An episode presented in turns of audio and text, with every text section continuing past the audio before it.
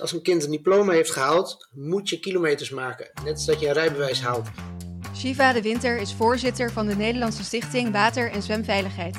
Volgens hem zijn zwemlessen in Nederland op redelijk niveau, maar zijn ouders verantwoordelijk om het zwemniveau van hun kind op peil te houden na het diploma. Dit is een podcast van ANP Expert Support. Deze dienst staat los van de ANP-redactie. Luna van der Waarde spreekt vandaag deze expert naar aanleiding van dit ANP-nieuwsbericht.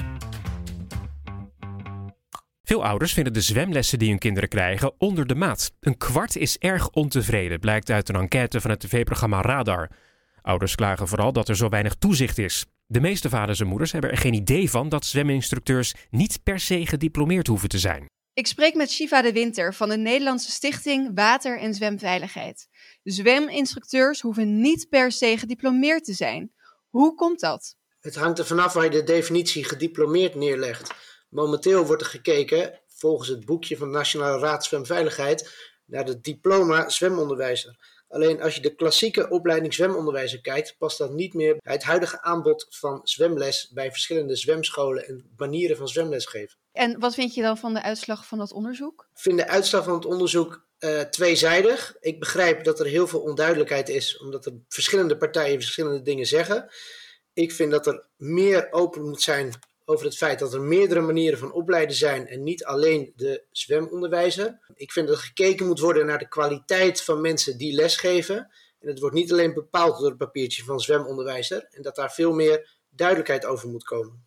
Oké, maar ja, als er ongediplomeerde zweminstructeurs zijn uh, en er blijkbaar niet echt harde eisen worden gesteld, betekent dat dan niet dat het ene kind met een A-diploma veel slechter of misschien helemaal niet kan zwemmen, terwijl een ander kind dat dan misschien wel kan?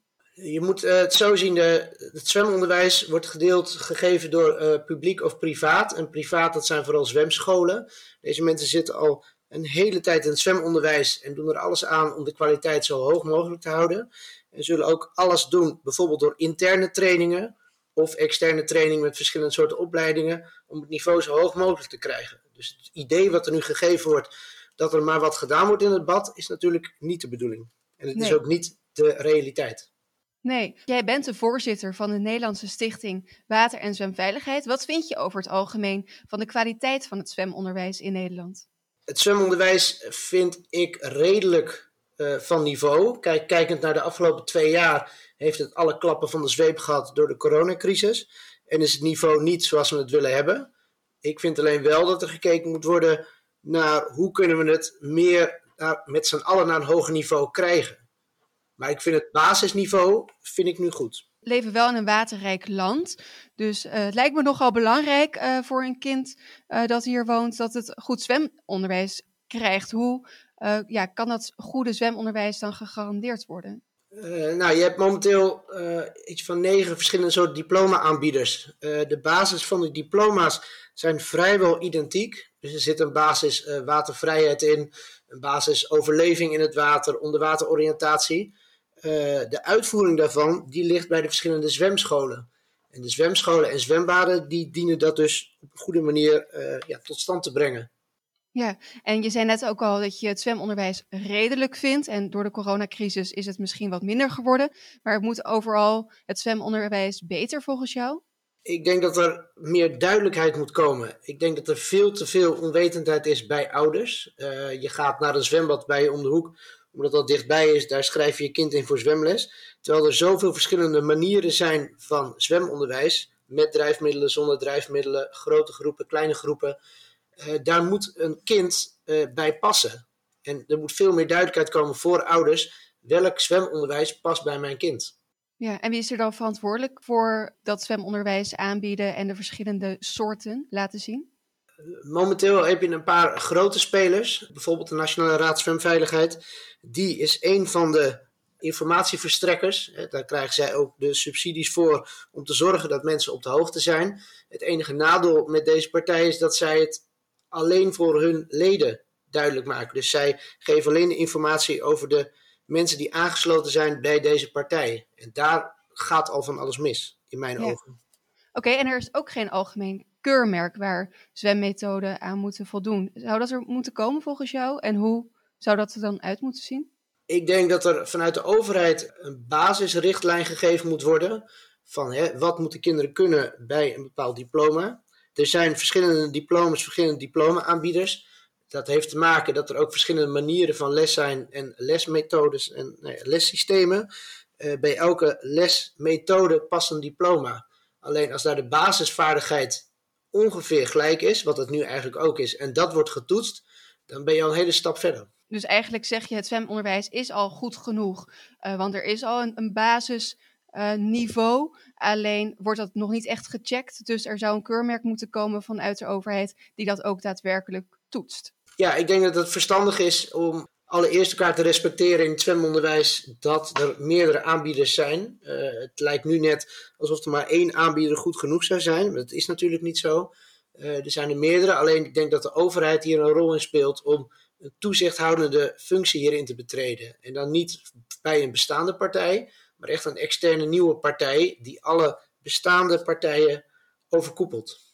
Ja, maar uit het onderzoek blijkt dat er dus wel een hoop ouders zijn die uh, vinden dat uh, hun kinderen niet goed leren zwemmen.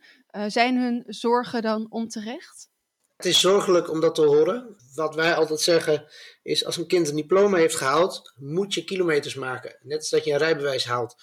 Het is ook de vraag: hebben kinderen na de zwemlessen, na het zwemdiploma, veel vrijgezwommen? Of is het allemaal rond de coronatijd gehaald? wordt er veel gezwommen? Uh, in sommige lessystemen is het heel individueel, wordt er les gegeven. En dat moet veel geoefend worden. En zoals in de uitzending ook te zien was, uh, was er een moeder en die zei: Ja, het, het, is niet aan mij om dat te vertellen, maar het, het komt van één kant. De zwemlesaanbieder leert het aan en daarna moet het veel geoefend worden. Dat ligt ook een deel bij de ouders. Dus de ouders zijn mede verantwoordelijk voor in hoeverre een kind uh, kilometers gaat maken in zwemmen. Ja, absoluut. Ja, en heb je dan tips voor ouders die graag een goede zwemschool willen uitzoeken voor hun kind, maar niet weten waar ze moeten beginnen? Ik denk dat je allereerst uh, als ouder naar je eigen kind moet kijken. Is het een heel gevoelig kind voor drukte of kan het goed in grote groepen? Dan heb je stap 1. Daar zijn al een heleboel verschillende in. Uh, je hebt daar zwembaden met groepen van, nou ja, zeggen 18 tot 20. En je hebt zwemscholen met kleine groepen met veel individuele aandacht. Uh, daar zit natuurlijk ook een, een, een, prijsverschil in. En er zit ook een verschil in hoe lang een diploma duurt. Wat je heel vaak ziet is dat snelheid toch voorgetrokken wordt in de keuzes bij ouders. Of de keuze wordt gemaakt aan de hand van waar uh, kennissen zwemmen. En ik raad ouders echt aan om zich te verdiepen in welke manier wordt er lesgegeven. Ja, precies. En wat zijn dan volgens jou goede manieren of ja, waar kun je een goede zwemschool aan herkennen? Ik denk dat je een goede zwemschool kan herkennen als de vragen komen. Dus bijvoorbeeld van uh, wat is de manier hoe de les gegeven wordt. Als er een, een antwoord komt waar een ouder zich in kan vinden. Uh, kijk, er komen natuurlijk tientallen vragen over hè, hoe wordt de les gegeven, wat is het verschil. En ik denk als daar een goed antwoord komt, uh, dat een ouder daarna zelf een keuze kan maken. Oké, okay, het past wel bij mijn kind, het past niet bij mijn kind. Ik denk dat daar ouders uh, ook het gevoel in moeten vinden. Ja, dus kijk vooral wat uh, past bij het kind en niet uh, een, een, zwemschool uitkiezen op locatie of ja, waar alle andere mensen heen gaan. Nou ja, wat je nu hoort, weet je, mensen die ontevreden zijn of daar twijfels over hebben. Er is een heleboel informatie, dat is nog redelijk ja, achter de schermen, om het zo maar te zeggen. En als dat meer naar de voorgrond komt, dat mensen zich daar iets meer uh, in kunnen verdiepen, want dat komt er ook nog bij, het moet wel kunnen. Uh, dan kunnen mensen ook gedegener een keus maken, net als bij de basisschool. Dan ga je ook scholen af, daar ga je ook in verdiepen. En dan zullen ze ook meer, meer positiever daarnaar kijken. Ondanks dat je het niet helemaal eens bent met de uitslag van het onderzoek van Radar, uh, helpt dit wel weer ouders na te denken over hun keuze voor een zwemschool. Ja, niet helemaal eens. Ik denk dat het een, een een goede, goede start is om te zeggen: oké, er, er zitten wat haken en ogen aan het systeem. Ouders hebben, uh, hebben ontevreden, ze zijn ontevreden ouders. Nou, dat, dat, is, uh, hè, dat is eigenlijk nooit goed. Alleen het is een mooie graadmeter, zeg ik dan. Er zijn een heleboel punten van verbeteringen, die kunnen we nu aanbrengen. Shiva de Winter, dankjewel. Deze en andere experts staan in de database van ANP Expert Support. Ga voor meer informatie naar anp.nl/slash expertcast. Dit is een podcast van ANP Expert Support. Deze dienst staat los van de ANP-redactie